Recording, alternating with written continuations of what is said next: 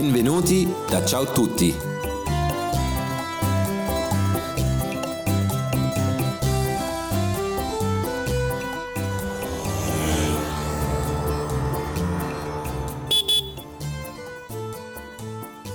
Welkom bij Ciao Tutti's podcast. In deze aflevering neemt Jessica je mee naar de Galleria Borghese in Rome voor een bezoek aan het mooiste beeld van Bernini. Daarna bewonder je ook Bernini's Fontana dei Quattro Fiumi, zijn vierstromenfontein op het Piazza Navona. Dit is na de Trevi-fontein de beroemdste fontein van Rome. Andiamo?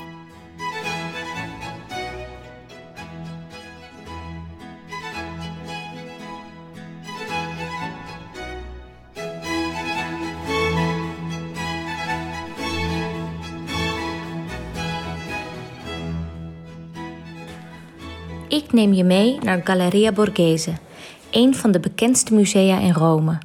Je bewondert hier kunstschatten die ooit door kardinaal Scipione Borghese verzameld zijn.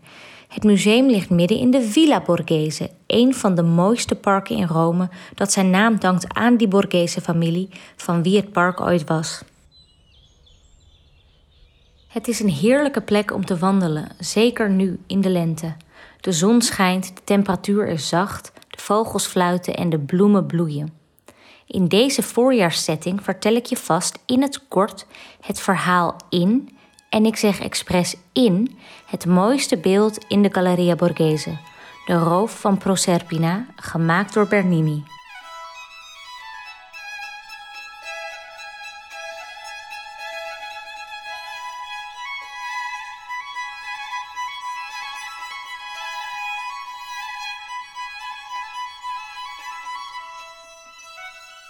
De roof van Proserpina toont het verhaal van de dochter van Ceres en Jupiter zoals alleen Bernini dat kon vertellen. Het verhaal zit in het beeld. Proserpina was mooi, lief, zacht en geliefd door iedereen. Ook Pluto, de god van de onderwereld, ging meteen voor de bijl toen hij haar zag. Een heftig liefdesverhaal, maar die liefde kwam niet van twee kanten. Pluto gluurde en loerde en vroeg haar vader om haar hand en moeder Ceres was woedend. En haar woede zou alle akkers doen verdoren en bevriezen. Ceres was immers de godin van de oogst, en als zij zich niet senang voelde, zou er nooit meer een oogst lukken. Geen graankorrel, geen korenhalm, geen enkele vrucht, nog geen besje. Slecht nieuws voor de mensheid. Maar je hoort het om me heen, het is lente. Blijkbaar is Ceres dus niet het hele jaar kwaad. Wat was er namelijk gebeurd? Toen Pluto en Jupiter er niet uitkwamen, was Pluto, praktisch als hij was, omhoog gerezen uit de grond en had Proserpina gegrepen, over zijn schouder gegooid en meegenomen. Ze kon tegenstribbelen wat ze wilde, maar ze was kansloos. Onthoud dit moment. Dat was dat, zou je denken, maar het verhaal krijgt nog een flinke staart, want Ceres was dus woedend en de mensheid dreigde te verhongeren. Uiteraard waren het de mannen die het op zouden lossen door een bijzondere afspraak te maken. Proserpina zou zes maanden in de onderwereld verblijven en dan is Ceres kwaad en dan is het herfst en winter en koud en karig en zes maanden op aarde. En dan is Ceres blij en heersen vruchtbaarheid en overvloed.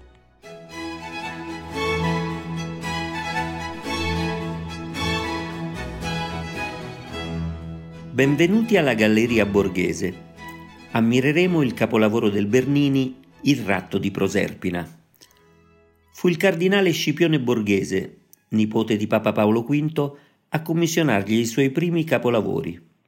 Con queste opere, che lo tennero impegnato per cinque anni, Bernini conquistò immediatamente fama e successo. Bernini wist dit bijzondere verhaal in een uniek beeld te vangen. Kardinaal Borghese had een reeks van vier beelden bij Bernini besteld. De opdracht was even duidelijk als ambitieus en schijnbaar onmogelijk. De kardinaal wilde zijn villa graag vullen met inspirerende verbeelding. Bernini maakte een David, een Apollo en Daphne en een beeldengroep met Eneas. Hoe mooi deze beelden ook zijn, het meesterwerk van Bernini's kwartet is toch echt de roof van Proserpina. Dit beeld ademt inspirerende verbeelding.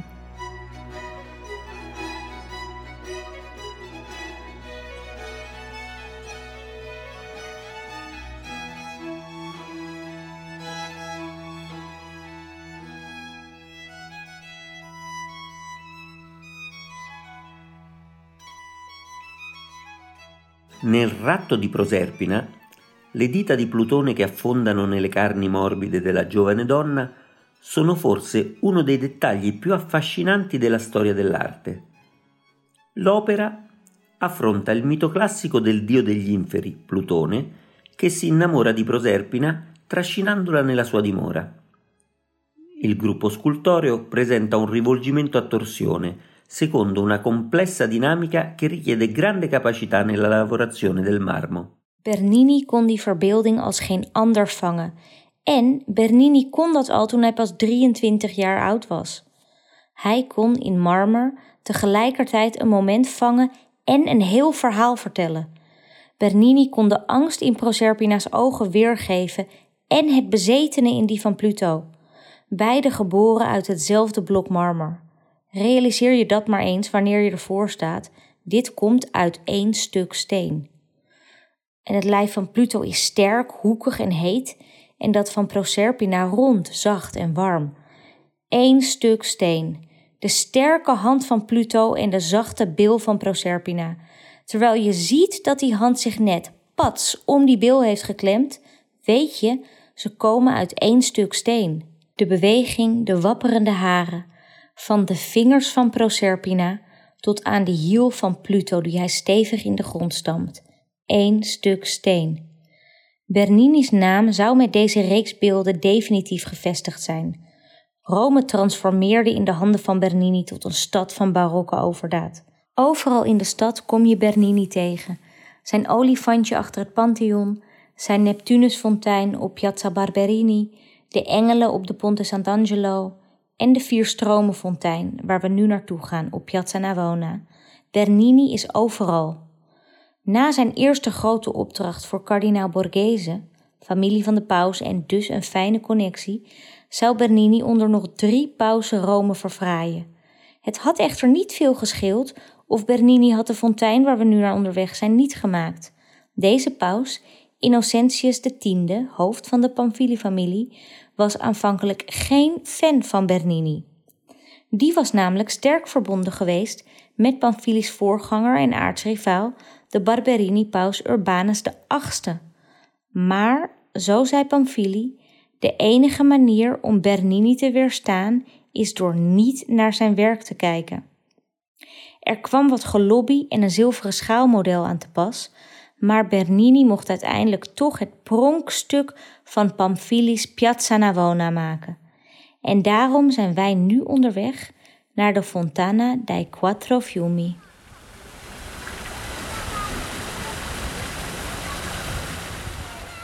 Quattro figure colossali, sedute agli angoli di un gigantesco basamento che regge un antico obelisco, rappresentano i grandi fiumi dei quattro continenti. Il Nilo, il Gange, il Danubio e il Rio della Plata.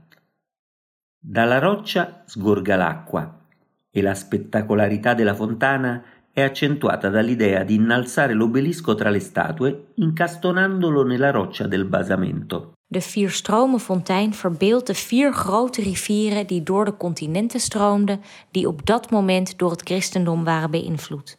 De Ganges, de Donau, de Rio de la Plata en de Nijl. Bernini baseert zijn figuren op klassieke personificaties van riviergoden, maar hij maakt ze dynamisch, laat ze bewegen en wankelen op één bil. Het water stroomt. Bernini heeft de riviergoden attributen gegeven waar we ze aan herkennen. En terwijl we een rondje om de fontein lopen, veranderen ook de planten en dieren mee. De Nijl heeft een doek over zijn hoofd getrokken. Toen Bernini de fontein halverwege de 17e eeuw ontwierp, was de bron van de Nijl namelijk nog niet bekend. De Ganges was destijds de enige van de grote rivieren die je helemaal af kon varen. Daarom heeft hij een roeispaan vast. De Donau raakt het pauselijke wapen aan. Deze rivier stroomde tenslotte het dichtst in de buurt van Rome. La Fontana dei Quattro Fiumi riaffermò pubblicamente e soprattutto agli occhi di Innocenzo X la sua reale grandezza di artista.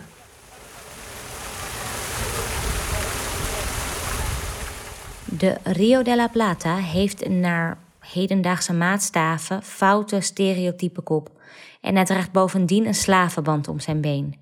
Hij is omgeven door gouden munten, verwijzend naar de rijkdommen die de Europeanen uit Zuid-Amerika grijden. En hij schrikt van een slang.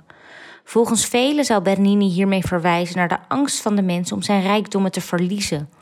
Was het tenslotte ook niet een slang geweest die het einde van het paradijs inluidde? Het is dus een fabel dat Bernini de Rio della Plata zou hebben laten schrikken van de gevel van de Sant'Agnese. Dat is de kerk naast de fontein, ontworpen door zijn aartsrivaal Borromini. Een leuke fabel, maar de fontein was al een jaar gereed toen Borromini überhaupt aan de kerk begon. Net als naar Pluto en Proserpina kun je wel naar de riviergoden blijven kijken. Met ieder rondje ontdek je nieuwe details en ontdek je weer een ander stuk travertijn dat vlees geworden lijkt. Het water stroomt onverstoorbaar door, al vijf eeuwen lang. En toch, nergens is Bernini's talent zo mooi te zien als in zijn marmeren Pluto en Proserpina. Alleen al voor dit staaltje inspirerende verbeelding moet je tijdens je bezoek aan Rome een kaartje voor de Galleria Borghese reserveren. Als je wilt, ga ik graag met je mee om je nog veel meer over Bernini te vertellen. Zie ik je in Rome? Grazie voor het luisteren naar deze podcast. Heb je genoten van Jessica's inspirerende verhaal over Bernini? Laat het dan weten via een recensie in je favoriete podcast-app of via onze social media kanalen. Ben je op zoek naar meer verhalen over Bernini in Rome? Zoals de legende over zijn gebroken hart op het Sint-Pietersplein en zijn onbekende beelden in San Giovanni dei Fiorentini? Kijk dan eens op ciaotutti.nl en laat je betoveren door de mooiste verhalen en foto's. Alla prossima! Tot de volgende keer!